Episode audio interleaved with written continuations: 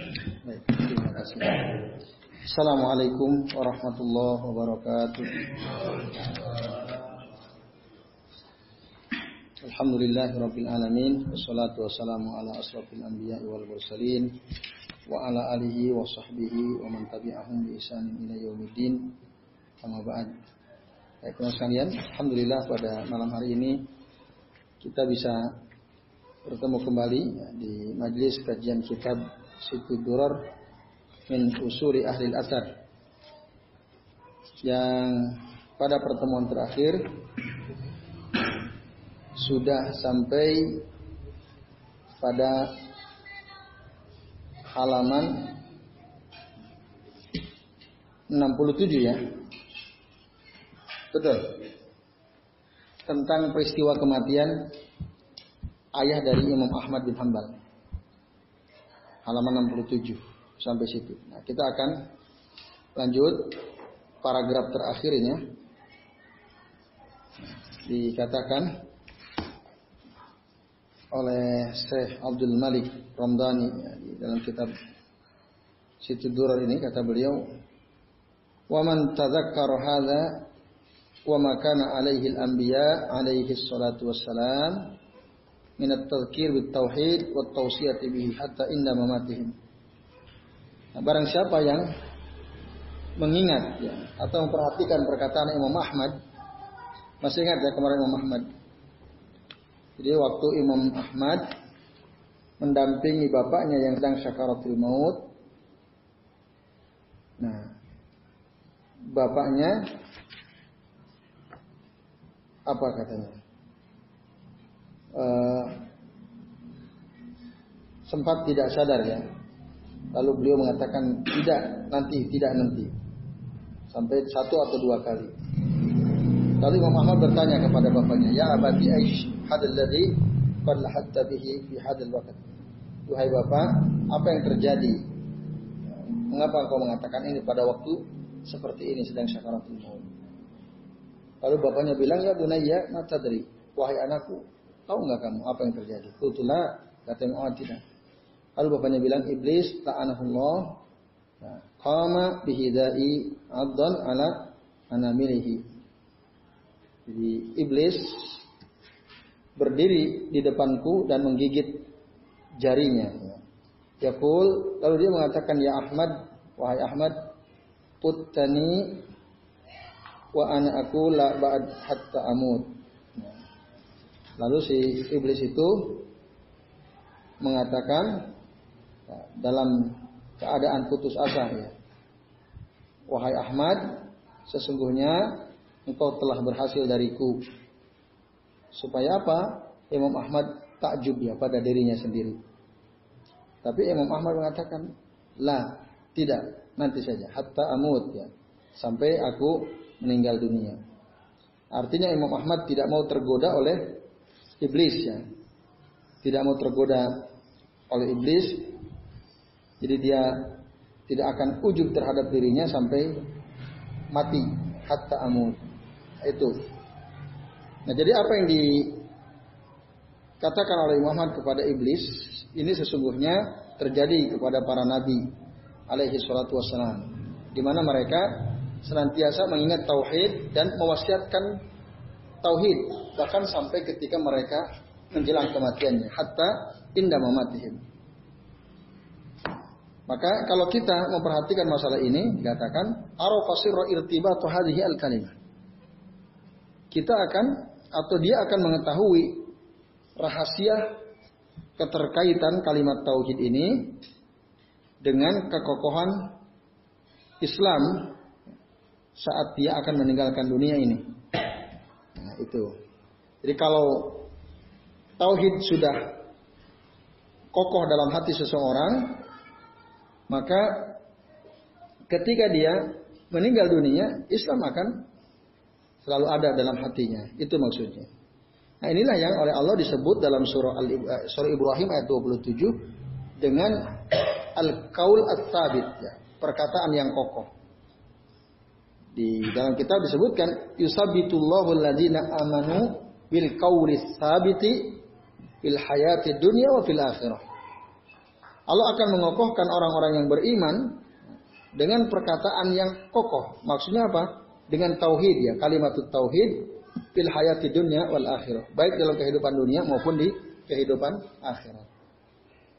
Jadi orang yang ketika hidupnya dia terbiasa mendakwahkan tauhid, dia membela tauhid, dia sering apa mengucapkan kalimat tauhid, maka nanti kelak di akhirat pun nah, di alam kubur pun akan tetap kokoh kalimat tauhid tersebut.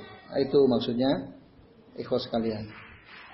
Nah, ini adalah gambaran keikhlasannya atau gambaran kesempurnaan tauhid seseorang. Memang harus senantiasa dijaga ketika masih hidup, maka nanti ketika mati pun tetap akan akan terjaga. Nah, itu apa yang dimaksud pada paragraf terakhir ya. Nah, kemudian oleh karena itu Imam Malik berkata, eh, Imam Ibnu Qayyim al-Jauziyah berkata rahimahullah, tauhid adalah perkara pertama yang memasukkan seseorang ke dalam Islam. Dan perkara terakhir yang mengeluarkan seseorang dari dunia. Tauhid itu harus menjadi suatu perkara yang dengannya dia masuk Islam dan perkara terakhir yang dengannya dia keluar dari dunia ini. Itu. Jadi waktu lahir dia atau waktu masuk Islam dia mengucapkan kalimat tauhid, ketika dia mati juga dia mengucapkan kalimat kalimat tauhid. Maka Rasul bersabda, man kana akhiru kalamihi la ilaha illallah dakhalal jannah. Atau man kana akhiru kalamihi la ilaha illallah wajabat alaihil jannah. Ada dua riwayat ya yang menjelaskan barang siapa yang mengatakan di akhir perkataannya la ilaha illallah maka dia wajib masuk surga atau dia wajib dia akan masuk surga. Nah, hadis ini disebutkan dalam Imam Ahmad dan Abu Daud dan Imam Al Hakim dari Muad bin Jabal dan hadis ini sahih. Bahwa awalu wajibin kata Ibnu Qayyim. Kalimat tauhid adalah kewajiban pertama, wa akhiru wajibin dan kewajiban terakhir. Tauhidu awalul amri wa akhiruhu. Tauhid itu, kalimat tauhid itu adalah perkara pertama dan terakhir. Bahkan nanti dalam kitab Lubabul Hadis, Al-Imam As-Suyuti rahimahullah, beliau mengatakan, "Man kana Ya. Awalu kalamihi la ilaha illallah wa akhiru kalamihi la ilaha illallah walau amila alfa sayyatin ya, wa asa alfa sanatin lam yus'al walau bi khati'atin wahidah Barang siapa Kata-kata pertamanya adalah kalimat la ilaha illallah dan kata-kata terakhir yang keluar dari mulutnya adalah la ilaha illallah. Meskipun dia melakukan seribu ya, keburukan dan hidup seribu tahun, nah, ya, walau ya, asa alfa, uh, alfa sana, ya, walau amila alfa sayatin, dia berbuat seribu keburukan, hidup seribu tahun. Tapi kalau dia berhasil kata-kata pertama la ilaha illallah, kata-kata terakhir la ilaha illallah, wajibat lahul jannah. Maksudnya bahkan lam yus'al walau bisa yatin wahidah. Tidak akan ditanya meskipun satu keburukan. Nah, kalau berhasil. Kalau berhasil. Tapi pertanyaannya, apakah bisa tuh orang yang hidupnya seribu tahun tapi seribu keburukan dia lakukan? Nah, itu pertanyaannya. Nah, masih dulu pernah ya dijelaskan bahwa kalimat la ilaha itu ada ada syaratnya ya. Kalimat tauhid lahu syurut. Kalau orang sering mengucapkan kalimat tauhid tapi tidak memenuhi syarat-syaratnya, maka tidak akan mungkin mampu dia mengucapkan kalimat tersebut di akhir hidupnya. Pernah dijelaskan dulu ya? Masih ingat nggak? Pernah belum? Pernah ya? Nah, ada syaratnya itu. Ada berapa tuh? Masih ingat nggak tuh? Bapak ya. Ada enam itu syaratnya. Nah, jadi kalau ingin berhasil mengucapkan kalimat tauhid saat kita sedang syakaratul maut, maka kata Wahab bin Munabbih ketika ditanya, "Alaisa la ilaha illallah miftahul jannah?" Qala bala. Bukan kalau ilaha illallah itu adalah kuncinya surga? Dia mengatakan ya. Walakin laisa bimiftahi illa walahu asnan. Tapi tidaklah disebut kunci kecuali kalau kunci itu ada geriginya. Ija jita bimiftahi lahu asnan. Kalau kamu datang dengan kunci ada giginya, putih laka abu abu jannah. Dibuka untukmu pintu surga. Tapi wa in jita bimiftahi laisa lahu asnan. Kalau anda datang bawa kunci nggak ada giginya, lam tuftah laka abu abu jannah. Pintu surga nggak akan dibuka untukmu. Apa yang dimaksud asnanul al-miftah kunci-kunci apa gerigi kunci maksudnya adalah surut la ilaha illallah. Syaratnya la ilaha illallah. Jadi la ilaha illallah ibarat sebuah kunci. Yang namanya kunci ada geriginya. Begitu juga kalimat tauhid kunci pintu surga itu ada geriginya yaitu syaratnya itu. Nah, kalau syaratnya terpenuhi selama dia hidup di dunia baru itu bisa menjadi kunci surga kalau tidak ya tidak bisa meskipun dia rajin ya mengucapkan kalimat tauhid tapi syaratnya nggak dipenuhi. Apa itu syaratnya? Saya akan sebutkan secara ringkas. Yang pertama ilmu ya, mengetahui maknanya, mengetahui konsekuensinya. Ilmu. Tapi sayang katanya, kata para ulama ya. Di dalam kitab Kasbus Syubuhat, orang di zaman sekarang ini lebih jahil ajhalu min Abi Jahlin. Lebih bodoh daripada Abu Jahal orang sekarang. Huwa muslim, lakinahu ajhal min Abi Jahlin. Kenapa? Karena Abu Jahal ngerti apa makna la ilaha illallah dan ngerti apa konsekuensinya. Makanya nggak mau ngucapin itu sampai mati nggak mau. Bahkan ketika Abu Talib mau mati, ketika oleh Rasul ditalkin, kul la ilaha illallah, Kata Abu Jahal langsung ditimpali omongan Rasul. Aragib ta'an millati Abdul Muttalib. Apa kamu benci sama agama Abdul Muttalib, bapaknya, bapak Abu Talib. Akhirnya Abu Talib bapaknya Ali yang membela Rasul ya selama beliau hidup matinya dalam keadaan kafir tetap. Karena terus diprovokasi oleh Abu Jahal tadi. Abu Jahal ngerti bahaya kalau ente bilang la ilaha illallah berarti nah, meniadakan semua Tuhan kan. Konsekuensinya kan itu. Berarti hanya ada satu Tuhan yang berhak disembah kecuali Allah. Nah, kalau itu berhasil diucapkan oleh seseorang, nah, maka luar biasa tadi. Wajabat lahu al jannah. Tapi orang di zaman sekarang ngaku dirinya sebagai muslim, rajin mengucapkan kalimat tauhid, tapi dia tetap mensekutukan Allah. Ya, karena nggak paham, kan gitu. Ngucapin mah sering. Tiap hari mungkin berkali-kali, bahkan berpuluh-puluh kali. Tapi penyembahan dia, ya, ibadah dia bukan hanya untuk Allah, tapi juga untuk selain Allah ya, untuk makhluk. Nah, ya kalau kita kasih contoh sederhana itu ya. Ketika dia ada masalah, dia punya hajat, bukan malah datang ke masjid, wudhu, bersujud, minta sama Allah. Tapi datangnya ke kuburan. Datangnya ke kuburan. Nah ini. Jadi itu ajhal min Abi Jahlin. Gitu. Itu lebih bodoh daripada Abu Jahal. Ya. Dia anahu la ya'lam. Karena dia nggak tahu artinya. Nah ini. Satu ilmu. Yang kedua yakin. Yakin. Yakin bahwa Allah adalah satu-satunya zat yang berhak untuk disembah. Yakin 100%, tidak ada keraguan sedikit pun. Yang ketiga, ikhlas. Saat dia mengucapkan kalimat tauhid, tidak ada kepentingan apa-apa kecuali karena Allah lillahi taala. Bukan karena kepentingan untuk menikahi seseorang. Karena ada sekarang ya begitu. Orang dia mengucapkan kalimat syahadat tujuannya supaya boleh nikah. Nah, itu kepentingannya duniawi. Habis itu gua masa bodoh, sholat masa bodoh, puasa dan seterusnya. Ya, oke. Okay. Jadi apa tadi? Al ilmu, al yakinu, al ikhlas, asidku. Asidku itu artinya membenarkan, membenarkan apa yang ada di balik kalimat la ilaha illallah. Iya Allah lah satu-satunya zat yang berhak disembah dia, dia benarkan, tidak ditolak. Kalau ada orang yang kemudian oh enggak kok, ada yang bisa kita mintai gitu ya supaya menyelamatkan diri kita tidak itu nggak benar.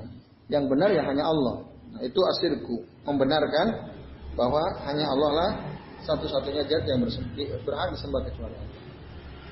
Al ilmu, al yakinu, al ikhlasu, asidku. Yang kelima, al mahabbah itu ada tujuh ya. Yang kelima al mahabbah. Apa itu al mahabbah cinta? Ya.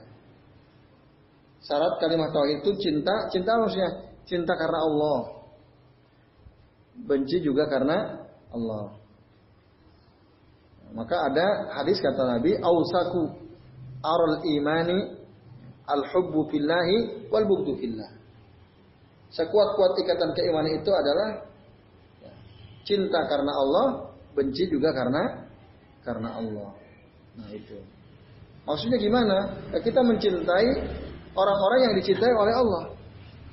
Kita membenci orang-orang yang dibenci oleh Allah.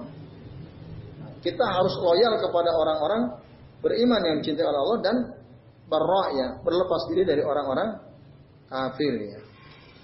Nah, ini harusnya seorang muslim seperti itu. Bukan justru malah dia lebih cinta kepada orang orang kafir. Nah, berarti dia loyalitasnya kepada orang orang kafir. Nah, ini ikhlas kalian. Jadi harus orang yang betul-betul beriman begitu. Bahkan Rasul mengatakan, la yajidu halawatal iman seseorang tidak akan mendapatkan nikmatnya iman hatta yakunallahu wa rasuluhu ahabba ilaihi mimma siwahuma. Sehingga Allah dan Rasulnya menjadi orang menjadi sesuatu yang paling dia cintai daripada yang lainnya. Dan yang kedua apa? Yang kedua tadi dia mencintai orang lain ya, fillah ya. Al-hubbu wal bughdu fillah. Cinta dan benci karena karena Allah. Nah ini. Jadi al-muhabbah. Jadi kalau ada orang kafir maka kita harus benci kekufurannya. Jangan justru kita jadikan sebagai apa misalnya? Ya sebagai oh, teman bisnis paling baik gitu ya. Nah, sedangkan yang lain yang muslim kita abaikan atau dia kita jadikan uh, sebagai partner setia kita gitu ya misalnya. Nah, jangan sampai karena ada kekufuran dalam dalam dirinya itu. Harusnya kita tadi al-bugdu fillah ya. Kita membenci sesuatu, sesuatu seseorang karena Allah Subhanahu wa taala. Itu yang kelima ya, al-hubbu fillah. Yang keenam yang keenam itu al-qabul. Qabul itu menerima menerima semua perintah Allah dan Rasulnya. Tidak dipilah-pilih. Pokoknya semua apa yang Allah dan Rasulnya perintahkan kita terima. Itu syaratnya menerima. Kalau dia ada yang dia tolak, ah ini nggak cocok nih buat saya nih, nggak usah aja ini gitu ya. Nah, milih-milih dia. Kalau ini saya bisa, ini nggak bisa, nggak usah diamalin dan seterusnya. Nah nggak mungkin orang yang seperti itu ketika dia mau mau mati sakaratul maut bisa mengucapkan la ilaha illallah. Dan yang terakhir al inkian. Inkian itu apa? Tunduk. Ya. Tunduk kepada ketentuan Allah dan Rasulnya. Pasrah. Pokoknya kalau Allah bilang A, Rasulullah bilang A, udah ikutin. Nggak, nggak ada rasa berat hati. Tunduk. Makanya di dalam Al-Quran Allah subhanahu wa ta'ala berfirman ala ya wa rabbika la yu'minuna hatta yuhaqqimuka fima syajara bainahum wa la yajiduna fi anfusihim haraja. Ketahuilah demi Tuhanmu la yu'minuna. Mereka itu tidak beriman. Hatta yuhaqqimuka sehingga mereka menjadikan engkau sebagai hakim pemutus. Fima syajara bainahum. Terhadap sesuatu perselisihan yang terjadi di tengah-tengah mereka. Bima syajaru bainahum. Wala yajiduna fi anfusihim haraja dan mereka tidak mendapatkan keberatan dalam diri mereka apa yang sudah Allah eh, apa yang sudah ditetapkan oleh Rasul sallallahu alaihi wasallam. La yajiduna fi anfusihim. Kemudian eh, wa yusallimu taslima dan mereka betul-betul pasrah kepada ketetapan Allah, ketetapan Rasul. Ada tunduk pada hadis. Kalau hadis sudah bilang ABC, udah nggak usah ada pilihan lain. Ah, ini nggak cocok tadi. Yang cocok ini. Nah ini artinya dia tidak tunduk, tidak tidak ingkian. Nah kalau orang tidak ingkian, tidak tunduk kepada ketetapan Allah dan Rasulnya, berarti dia tidak memenuhi syarat kalimat La ilaha illallah. Ini artinya kemungkinan besar dia nggak bisa mengucapkan kalimat itu saat sakaratul maut. Nah ini iwa sekalian.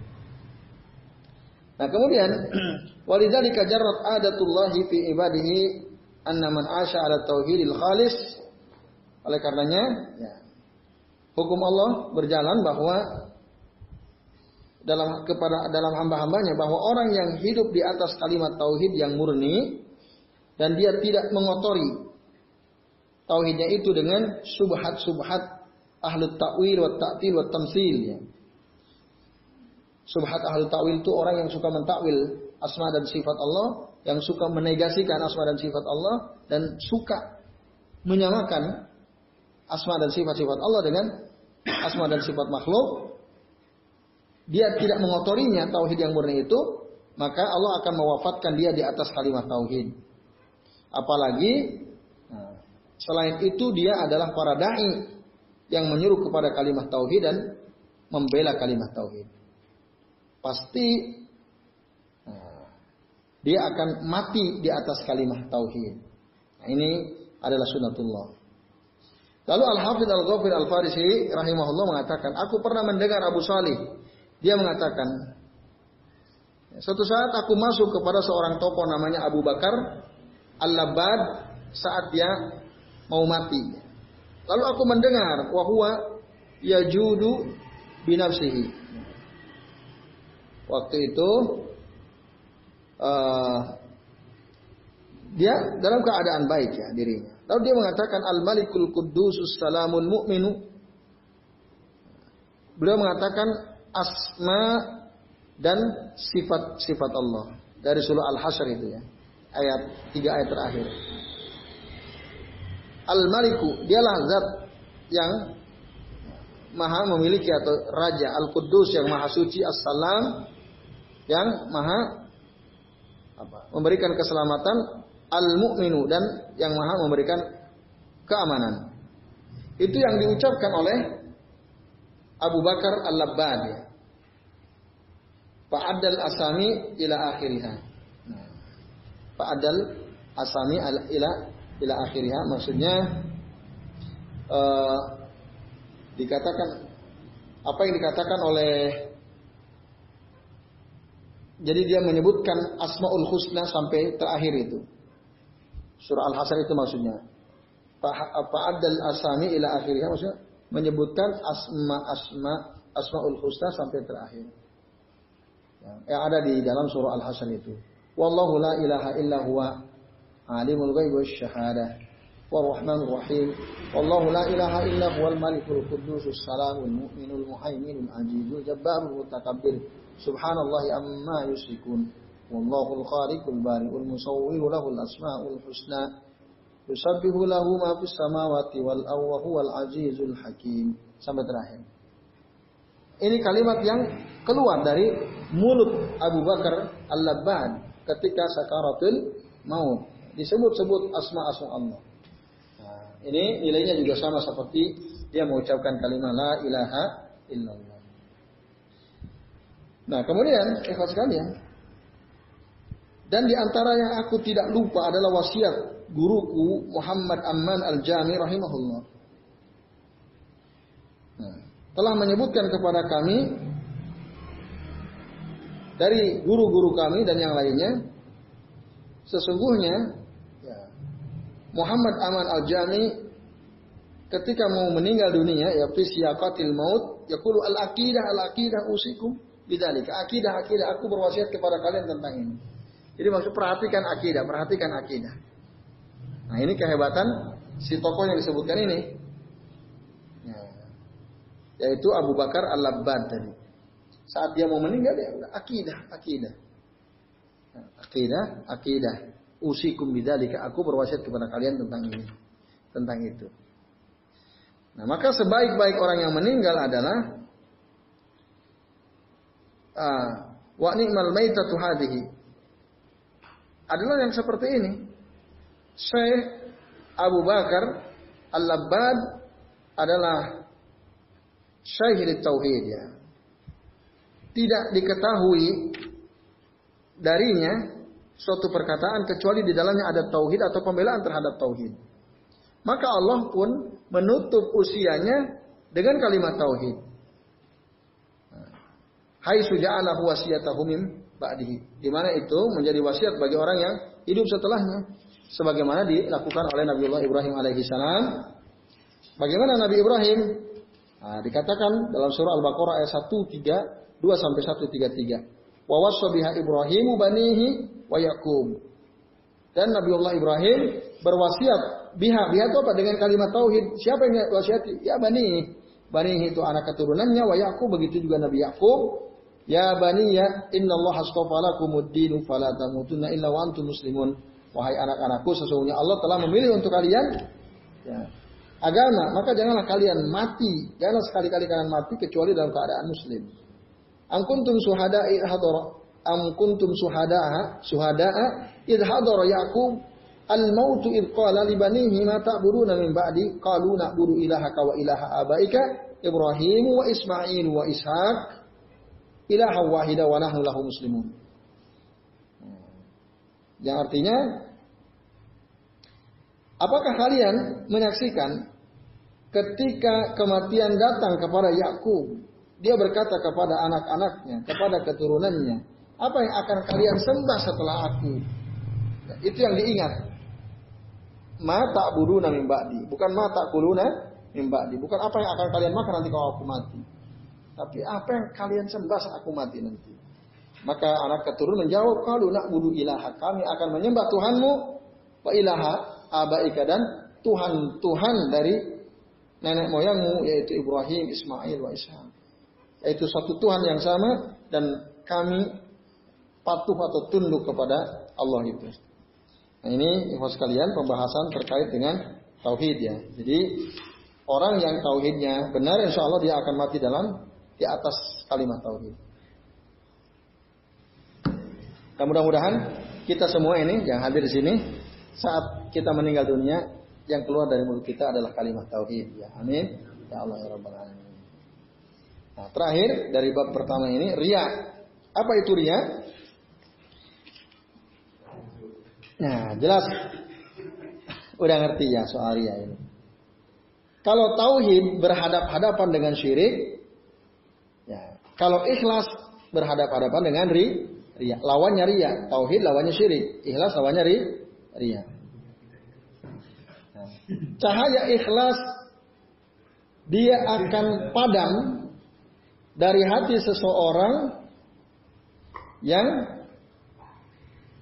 bangga, ujub ya, terhadap dirinya sendiri. Jadi orang yang sering membanggakan dirinya, ujub dia. Itu nggak mungkin ada cahaya ikhlas dalam hatinya, nggak mungkin. Karena keikhlasan itu tidak akan berdiri bersama-sama dengan ria, nggak mungkin. Kalau ada ria, ikhlas akan hilang. Nah. Maka Allah Taala berfirman, "Waladina yunfikuna amwalahum ria'an nas, wala yu'minuna billahi wala bil yaumil akhir."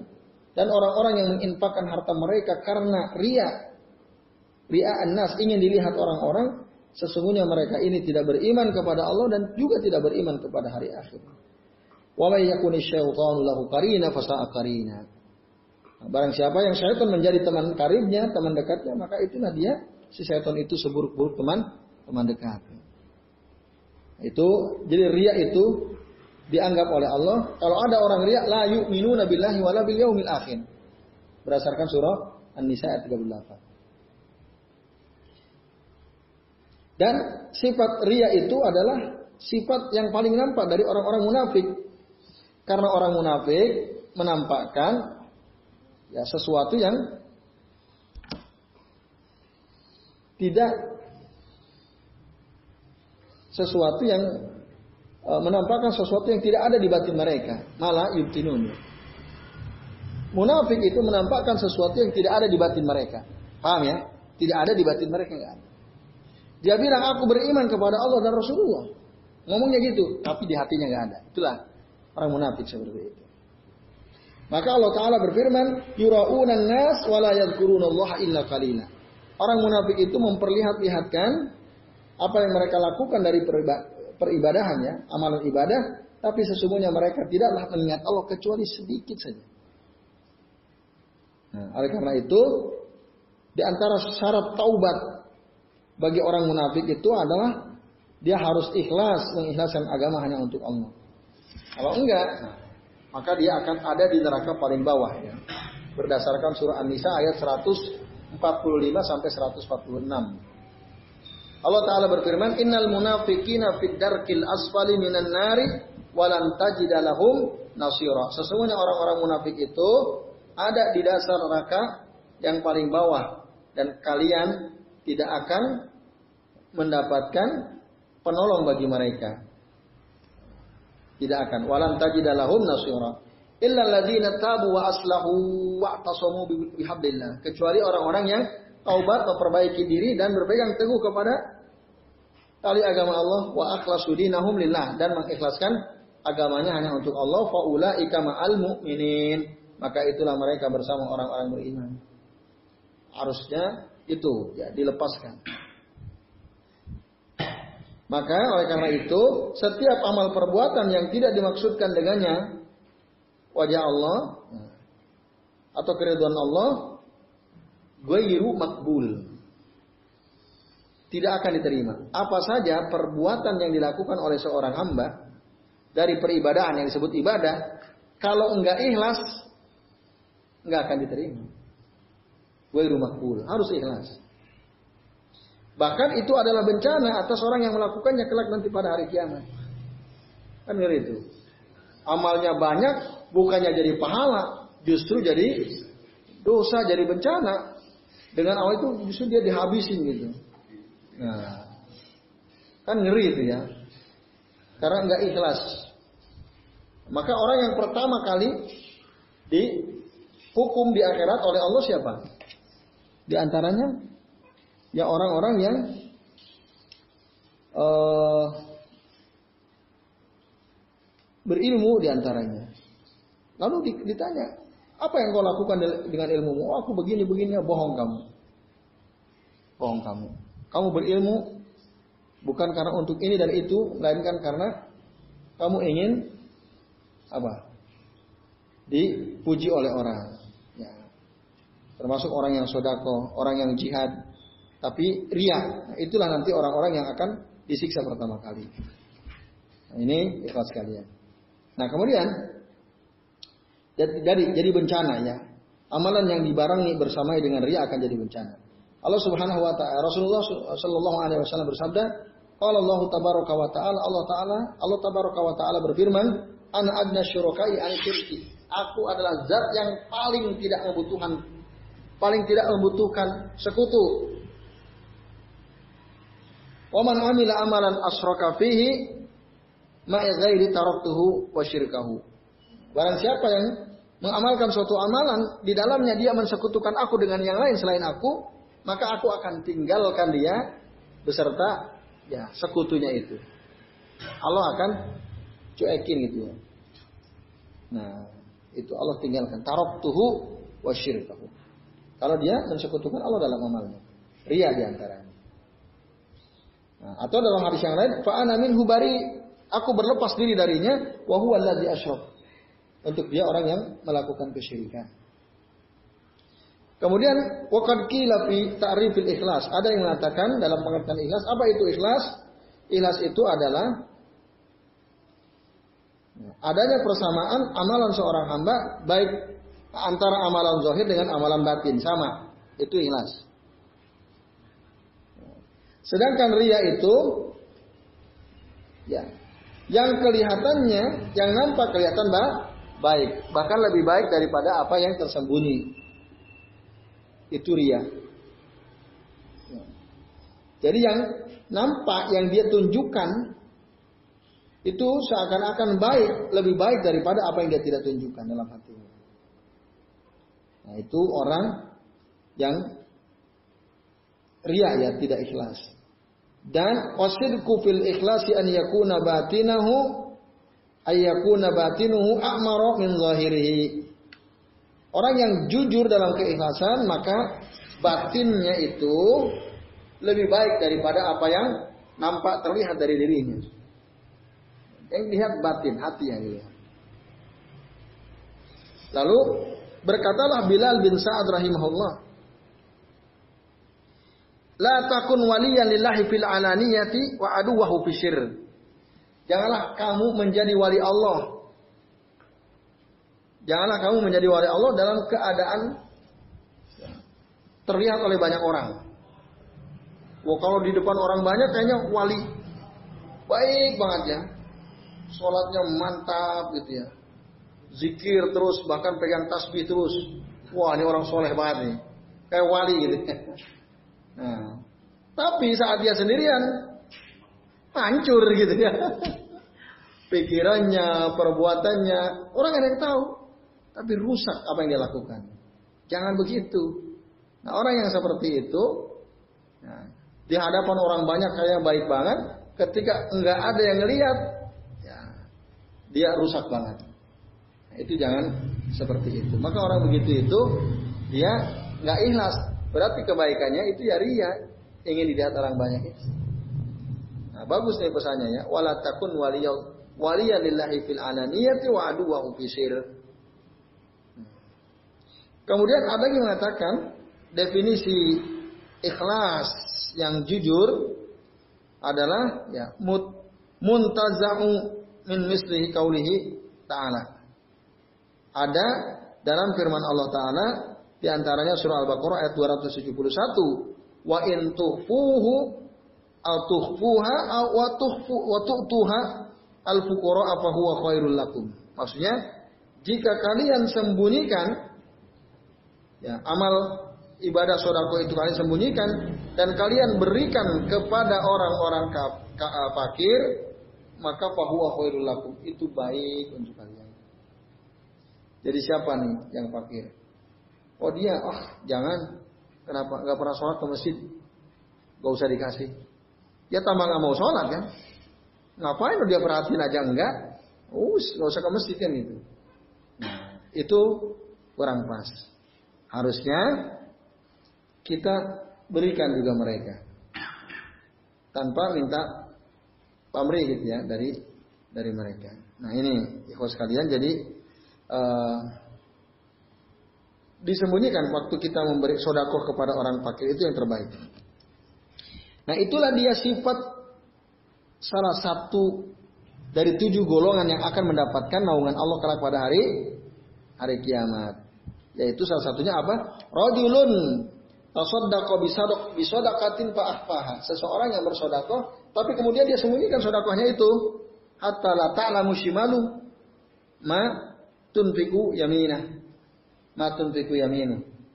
Sehingga ini salah satu ya orang yang mendapat naungan Allah adalah seseorang yang bersodako lalu dia sembunyikan sampai-sampai tangan kirinya nggak ngerti kalau ternyata tangan kanannya memberi gitu ya. Nah emang punya mata nih tangan. Nah, ketika Rasul mengatakan berarti bisa saling memperhatikan. Nah, ketika masih yang kiri masih bisa ngelihat, nah ikhlasnya belum sempurna. Tapi ketika yang kanan bagi-bagi sesuatu membantu orang, yang kiri enggak ngeh. Wah itu. Yang ini enggak tahu kalau ternyata ini berbuat baik. Nah itulah gambaran orang yang yang ikhlas. Yang kelak nanti di hari kiamat dia akan mendapatkan naungan dari Allah Subhanahu wa taala. Ya.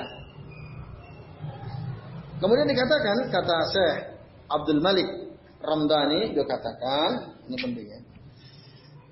Banyak orang semangat untuk menutupi keburukan mereka banyak orang semangat untuk menutupi keburukan mereka, tapi mereka tidak semangat untuk menutupi kebaikan mereka. Nah, itu ya. Jadi orang kebanyakan begitu. Tidak semangat menutupi emang semangat menutupi keburukan. Wah ini ini tutup, ini tutup, ini tutup, semangat sekali. Nah, tapi ketika dia berbuat baik, bukan ditutup-tutupi, malah dibuka, dibuka. Nah ini, malah yang situ nari satri hasanatihim. Jadi mereka ini uh, tidak semangat di dalam nutupi kebaikan-kebaikan mereka. Ini artinya terus kalian, ya, orang yang baik itu ketika dia berbuat baik, dia tutup-tutupi, gak ada orang tahu. Orang yang mau keluar masjid, nah kita berkhidmat, sendal kita balik-balikin, pada saat orang keluar langsung pakai. Oh, ini siapa ya yang melakukan? Nah, udah diem aja, kita nggak usah ngomong. Aku kan ya. Ketika aku yang melakukan, udah nggak ada nilainya, nggak ada nilainya. Nah, kalau bisa tutupi, saat orang nggak ada yang tahu, ini siapa sih yang tiap hari kita ke masjid, kok sedangnya bagus terus. Nah, biar orang mengira, wah ini kayaknya ada jin nih di masjid ya kan. Nah, supaya apa tadi? Nggak usah ada orang tahu, itu yang terbaik, itu ikhlas, itulah ikhlas. Dia nggak perlu uh, pengetahuan orang ya, tentang apa yang dia lakukan. Nah, itu maksudnya. Kemudian uh, dikatakan lagi di sini, kenapa kok kebanyakan orang semangat menutupi keburukan dan tidak semangat dalam menutupi kebaikan? Coba, kenapa? Ya. Karena hawa hawa nafsu Nah, bahkan dikatakan di sini, kamu melihat banyak sekali orang yang semangat ketika berada di tengah orang banyak ya fil jalawah wayak siluna fil khalwah dan mereka ya, tidak suka atau mereka malas-malasan ya ketika menyendiri. Jadi ketika di depan orang banyak semangat, ketika menyendiri dia apa? Nah, malas gitu ya. Sholat di rumah, kalau di masjid, wah zikir lama. Kalau di rumah, habis sholat, assalamualaikum warahmatullahi Assalamualaikum warahmatullahi Udah nggak zikir. Langsung cari makanan. Mana makan, mana makan gitu ya. Atau cari HP. Dia buka-buka HP. Nah, ini teman-teman sekalian, ciri-ciri orang orang yang riak begitu itu, orang yang gak ikhlas. Oleh karena itu dikatakan al ikhlasu Allah tatluba ala amalika syahidan ghairallah wala mujazian siwa. Ikhlas itu adalah kamu tidak meminta kesaksian orang lain atas amal perbuatanmu selain Allah. Itu ya. Jadi itulah ikhlas. Dia tidak minta kesaksian orang lain saat dia melakukan suatu perbuatan baik wala mujazian siwahu. Dan tidak pula apa? Mendapat ingin mendapatkan pahala kecuali dari dari Allah saja. Itulah orang ikhlas. Kemudian seandainya ada seseorang bersungguh-sungguh menutupi kebaikannya dari makhluk sebagaimana dia bersungguh-sungguh menutupi keburukannya dari makhluk, maka niscaya dia akan sampai pada derajat orang-orang mukhlasin, orang ikhlas. Jadi waktu dia apa tadi uh, mau berbuat baik ya, tapi dia sungguh-sungguh, jangan sampai ada orang ngerti. Sebagaimana dia bersungguh-sungguh di dalam menutupi keburukannya itu, maka dia akan sampai derajat mukhlasin. Maka berkatalah Abu Hazim Salamah bin Dinar rahimahullah, "Uktum min hasanatik kama taktumu min sayyiatik." Sembunyikanlah apa yang disembunyikan dari kebaikan-kebaikanmu sebagaimana kamu sembunyikan dari keburukan-keburukan dirimu. Itu. Lalu ada juga yang bilang ikhlas itu adalah apa? Ifradul haqqi subhanahu bil qasdi taati.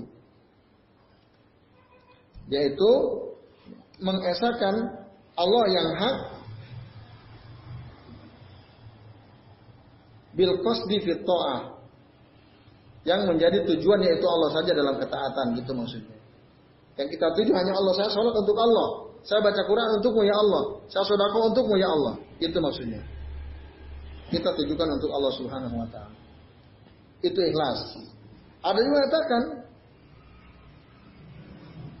ikhlas itu adalah ketika kita membersihkan ya, suatu perbuatan dari pantauan makhluk. Jadi kita bersihkan terus. Kita sholat Nah jangan sampai ah nanti supaya kelihatan sipulan, kelihatan sipulan, kelihatan sipulan. Nah itu orang yang bersikap seperti itu, nah berarti dia masih berharap dapat pujian dari makhluk. Oleh karena itu bersihkanlah akal uh, apa amal perbuatan kita dari berharap kepada makhluk. Ya, berharap hanya kepada Allah. Nah, ikhwas sekalian, azan ya Allah wa yakum ajmain. Hmm. Jam berapa sekarang? 10 kurang satu menit ya. Ya, oke deh. Jadi sampai sini dulu ya. Ini pembahasan soal ria dan ikhlas tadi ya. Oke. Jadi saya kira ini mudah-mudahan bermanfaat. Nah, satu menit atau udah habis tuh malah ya. Kalau ada yang mau bertanya satu atau dua pertanyaan barangkali ringkas kalau ada yang mau bertanya. Ya silakan. Uh, saya mau tanya tentang adalah korelasi antara hawa nafsu sama setan. Hmm. Saya tadi baca artikel, hmm artikel itu ada ini para dengan uh, jangan langsung menyalahkan kesalahan itu uh, uh, sebagai sebuah karena dalam diri manusia itu ada. Hmm, hmm. Jadi apakah mungkin seseorang itu melakukan kesalahan tanpa diduga hmm. Jangan-jangan nanti tidak diduga sudah berbuat dosa gitu. Hmm. Oke, mungkinkah seseorang melakukan kesalahan tanpa digoda oleh syaitan? Gitu ya. ya, terima kasih Mas Afri. Dalam diri seseorang itu ada tiga nafsu ya. Ada tiga nafsu ammarat nafsu ammaratun bisu, ada nafsu mutmainnah, ada nafsu lawamah. Nafsu lawamah. Pada dirinya setiap orang. Yang terbaik adalah nafsu mutmainnah. Nafsu mutmainnah. Yang senantiasa tenang. Ya, ingatnya kepada Allah. Maka dalam Al-Quran Ya ayyatuhan nafsul mutmainnah dalam surah Al-Fajr itu. Irji'i ila rabbiki radiyatan mardiyah. Kembalilah kamu kepada Tuhanmu dalam keadaan ya, diridhoi dan kamu ridha. Fadkhuli fi ibadi. Masuklah kamu kepada golongan hamba-hambaku. Fadkhuli fi ibadi wadkhuli jan jannati. Masuklah engkau ke dalam surgaku. Itu kata Allah. Bagus. Kalau bisa kita sampai pada level mutmainnah ini, nafsu mutmainnah. Nah, tapi nafsu ammaratun bisu gak senang kalau kita gampang melakukan perbuatan baik. Maka dia akan kolaborasi sama syaitan. Bekerja sama. Jangan sampai seseorang ya, bisa melakukan amal soleh. Meskipun sedikit, kalau bisa jangan. Ya. Dia mau sodako, udah niat mau sodako. Eh kasih tahu, kamu harus sodako, uangmu habis. Gak bisa kamu beli makanan enak lagi. Wah, itu terus didengung-dengungkan. Saya nggak iya ya, ngapain sodako dia bisa mampu nyari sendiri dah, gak usah nggak jadi. Nah itu senang banget tuh. Nafsu amarah tuh bisa senang tuh. Dan tadi kolaborasinya sama syaitan. Nah, tapi seandainya syaitan nggak mengganggu, apa bisa? Bisa juga, karena dia punya nafsu amarah bisu amaratul bisu. Itu. Yang tengah-tengah namanya nafsu lawamah. Lawamah itu kandidat lama yalum. Artinya mencela. Nah, nafsu lawamah ini bisa baik, bisa buruk. Ya. Bisa baik, bisa juga bu buruk nafsu lawamah itu.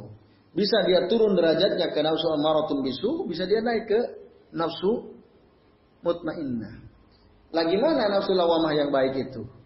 Yaitu orang-orang yang mencela-cela dirinya sendiri. Aduh, aku ini kok goblok betul ya. Kenapa seharian tadi kok aku nggak sholat sunnah? Kenapa seharian tadi aku kok nggak kok? Kenapa aku nggak membantu ini dan itu? Aduh. Nah, misalnya kita lagi naik motor di jalan, ada orang standarnya nggak dilipet. Sebenarnya mau ngasih tahu, akhirnya nggak jadi tuh lewat aja. Baru kita lewat, berat jatuh dia. Yang mungkin nyangkut standarnya itu. Lalu kita, aduh ya Allah, kenapa tadi saya nggak kasih tahu? Kan ya lu mau nafsu. Itu nafsu lawamah yang baik. Dia mencela dirinya, aduh kenapa tadi aku nggak melakukan kebaikan? Kenapa aku nggak kasih tahu dia? Itu nafsu lawamah. Nah, tapi juga dia bisa menjadi buruk. Ya tadi karena makna asalnya nafsu lawamah itu nafsu yang tercela. Ya lebih dekat kepada nafsu ammaratun ammaratun bisu. Nah ini tadi kalau pertanyaannya mungkinkah seseorang dia melakukan suatu keburukan tanpa ada godaan syaitan? Mungkin. Nah, kalau dia udah ngikuti syaitan terus, syaitan tinggalnya aja udah beres dah, aman dah, otomatis dia melakukan keburukan. Nah itu. Maka syaitan sendiri kan bilang kata Allah, la talumuni walumu angkusakum itu ya kan ada tuh walumu dalam surah Ibrahim ayat 22 ya. Wa qala syaitan lama qudiyal amru innallaha wa'adakum wa'dal haqq wa wa'adtukum fa akhlaftukum. Wa ma kana li 'alaikum min sultan illa an da'autukum fastajabtum li. Nah, kata syaitan, sesungguhnya aku ini tidak punya kekuasaan sama sekali kepada kalian. Tidak punya kuasa. Aku itu nah, hanya ajak-ajak kalian. Udah nggak usah begini, yang ini aja. Eh itu bagus tuh lakukan. Ya korupsi cuma satu miliar kecil nggak masalah nanti. Nah, digoda-goda, diseru-seru oleh diajak-ajak gitu. Nah akhirnya sebenarnya setan sendiri bilang wa maka nali alaikum min sultan. Aku sebenarnya nggak punya kekuasaan, nggak punya kekuatan. Hanya ngajak-ngajak aja setan itu. Fastajabtum li. Tapi kalian menjawab seruanku. Oh iya ya, oke deh. Nah, kan itu. Maka lalu saya bilang apa? Pala talumuni walu angkusakum. Jangan kamu celah aku, celahlah diri kalian sendiri. Aku kan cuma ngajak-ngajak toh yang melakukannya dirimu kan. Nah itu, itu setan bilang begitu. Nah, jadi setan nggak bisa maksa kita sebenarnya. Kita nggak mau lakukan keburukan, tarik sama dia kita tangan kita ditarik. Oh cepat lakukan keburukan. Enggak. Satu, ayo, ayo gitu. Penentunya ya kita. Melakukan atau tidak, itu pilihan kita. Eh, oke deh setan. Aku ikuti maumu. Ah, kalau udah gitu, fala talumuni, jangan kau celah aku, walau aku aku. Celahlah dirimu sendiri. Itu setan bilang. Allah yang mengatakan dalam surah Ibrahim ayat 22. Nah ini teman-teman sekalian ya. Jadi tadi kembali pada pertanyaan, mungkin. Nah, mungkin. Ya, itu. Jadi ya, tadi ya tuh udah nyantai dia, udah beres, udah. Pokoknya udah nggak usah diprovokasi, udah dia jalan sendirilah. Udah terbiasa gitu ya. Ya, itu Mas Afri. Surah Ibrahim ayat 22 tadi ya. Satu lagi barangkali kalau ada, masih ada yang lain. Cukup jelas ya? Baik, ya. Alhamdulillah kalau sudah jelas sama sekalian. Jadi tadi sampai kalau di kita bahasa Indonesia sampai jadi tiga ya.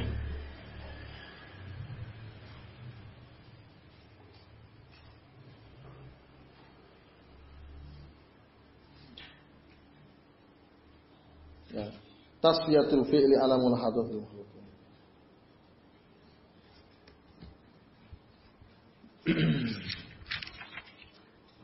Eh, tujuh berapa tadi?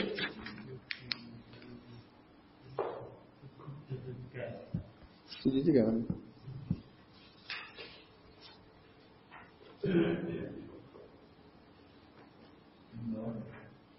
Oh iya.